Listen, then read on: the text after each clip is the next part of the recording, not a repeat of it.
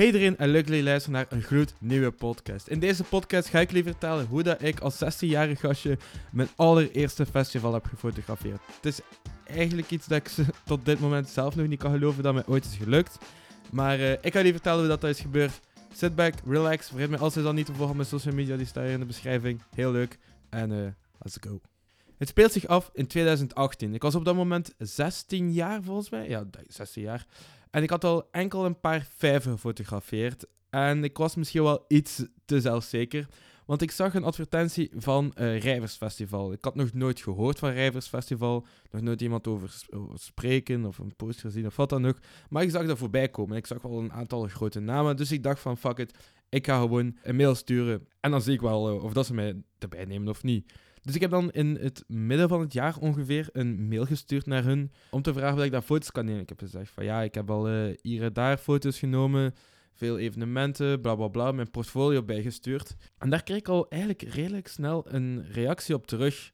Ze zeiden dat het goed was en dat ze mij een, eh, een all-access pas gingen geven, meer dat ik dan overal ja, kon, kon gaan rondlopen eh, en foto's kon eh, gaan nemen. Dat kon dan ook bij de artiesten zijn, maar dat vroeg ze wel om dan niet te veel te doen. Dat snap ik ook wel. Dat is pittig kut voor die artiesten. Maar ik kon gewoon overal foto's gaan nemen. Dus in die tussentijd heb ik dan nog wel vijf gefotografeerd en et cetera. En dan uiteindelijk was het zover. Ik kwam daar toen aan. Ik weet niet meer welke dag dat toen was. Ik denk vrijdag. Want het was drie dagen.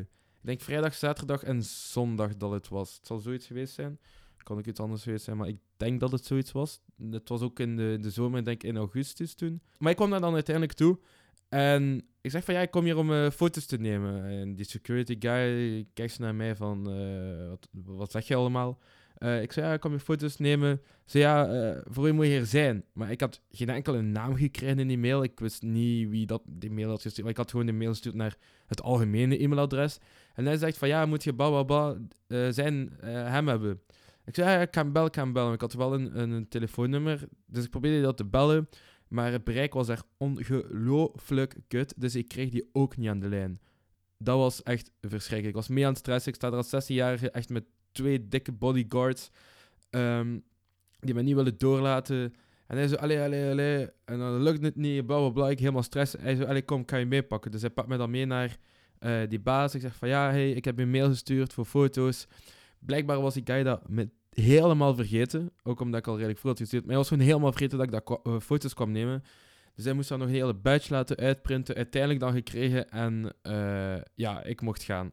Ik mocht beginnen met foto's nemen. Ik moest eigenlijk vooral eh, sponsors gaan fotograferen. Maar dat heb ik ook heel af en toe gedaan. Maar ik dacht van, oké, dit is wel de kans om ook artiesten te gaan fotograferen. En ja, andere dingen. Dus dat heb ik ook gedaan. Ik heb wel af en toe de sponsors gefotografeerd. Maar ja, weet wel, ik was daar toch gratis. Eh, ik bedoel, ik werd daar niet voor betaald of zo. Dus ik dacht van, dit is wel de kans, die moet ik wel pakken. Dus ik begin eh, te fotograferen. En de eerste dag was Snapback toen. Snapback is een DJ die nu bij TechMac zit. En die veel op vijven en zo, ook wel kleinere festivals, eh, DJ doet. Dan Gers Pardoel. Dat was wel heel cool, want op een bepaald moment... Ja, ik was foto's aan het nemen, zelf van op de stage. En dan stond hij eigenlijk zo op stage met Gers.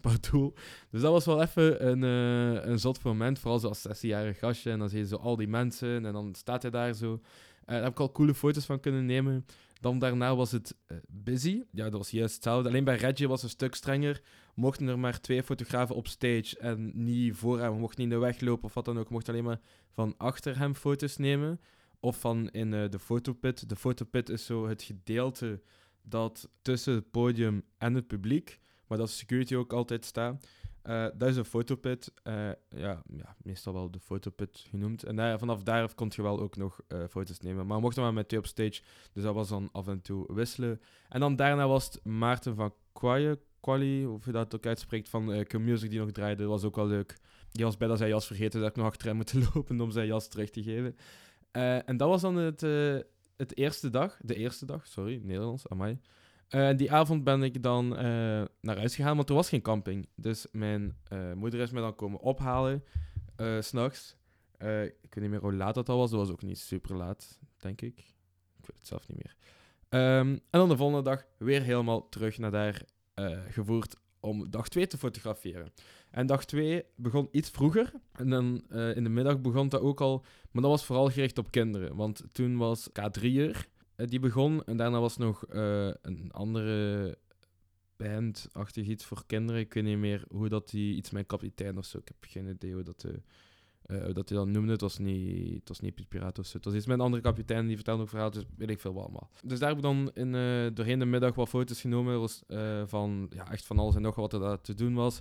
Van het Ede, het waren ook andere podiums, waar dat er nog DJ's optraden, treden. Pff, Nederlands, amai.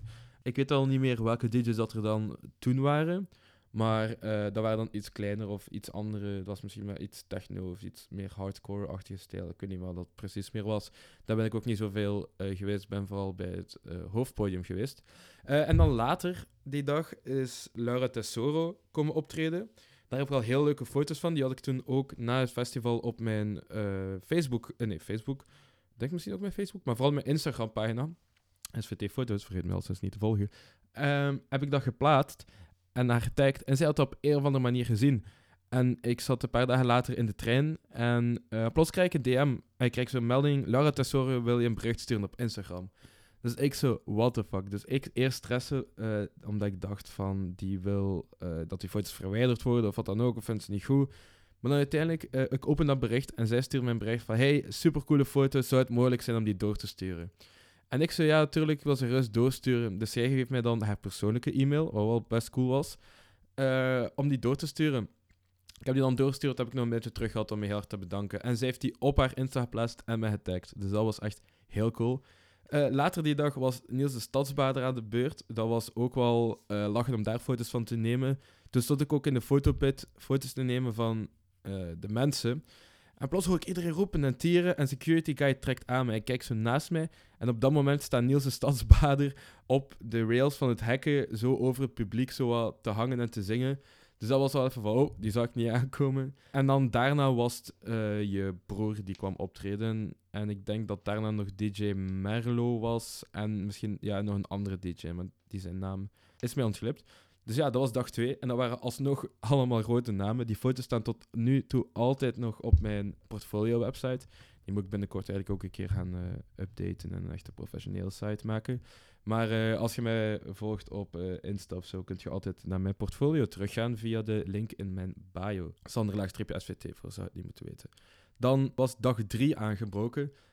en dan begon het ook weer voor de iets jongere kinderen. De eerste die optraden waren uh, de Ghost Rockers. De Ghost Rockers die zijn momenteel wel gestopt, denk ik, want uh, Marie Verhulst zat daar toen in.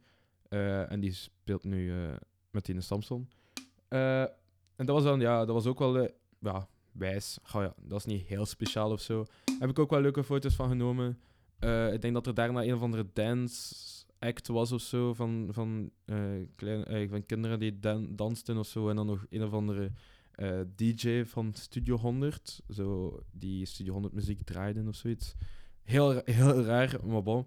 Uh, en daarna was de beurt aan uh, Lil Kleine, die kwam optreden. Daar heb ik ook nog altijd heel leuke foto's van. Die staan ook nog allemaal op mijn portfolio tot vandaag. Want er zijn allemaal wel foto's dat ik op zich nog redelijk trots van ben. Als ik die zo terug kan kijken, dan denk ik wel van als 16-jarig gastje heb ik dat, dat wel goed geflikt.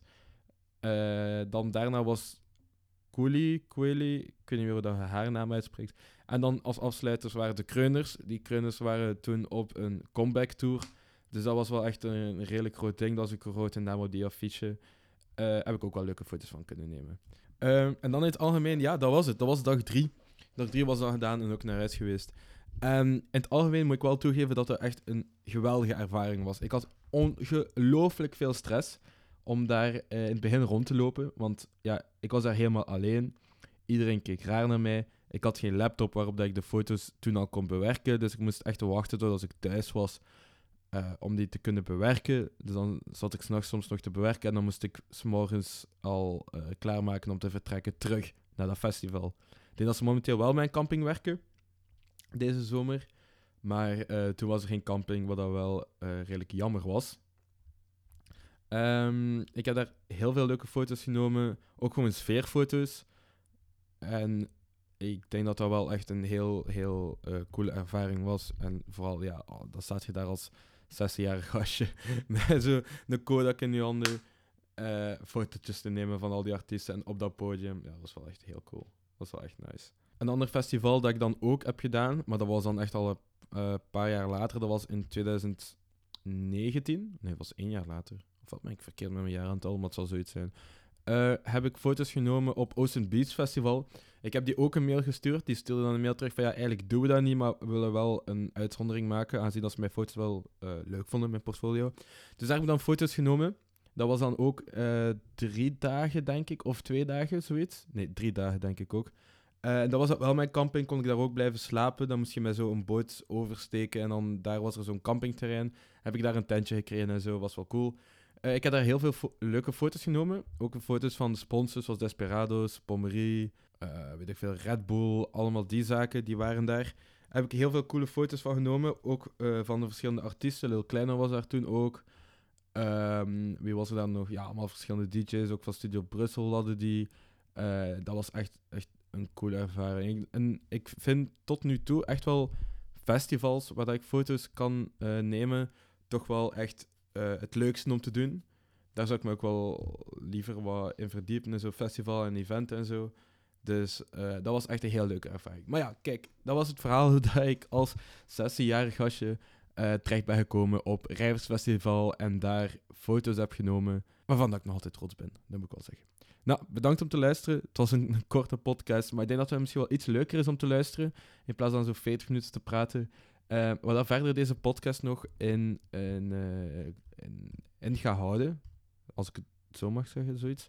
Ehm, ik heb geen idee. Ik ben nog een beetje aan het kijken. Misschien dat ik weer zo korte verhaaltjes vertel. En ik wil misschien ook gaan spreken met andere mensen. Ik moet nog allemaal bekijken, maar tot nu toe zou je het hiermee moeten doen. Ik hoop dat je het leuk vond. Vergeet alles in zijn podcast niet te volgen. Volg me op mijn social media. Dat zou heel cool zijn als je dat nog niet had gedaan. En eh, tot de volgende. Ciao.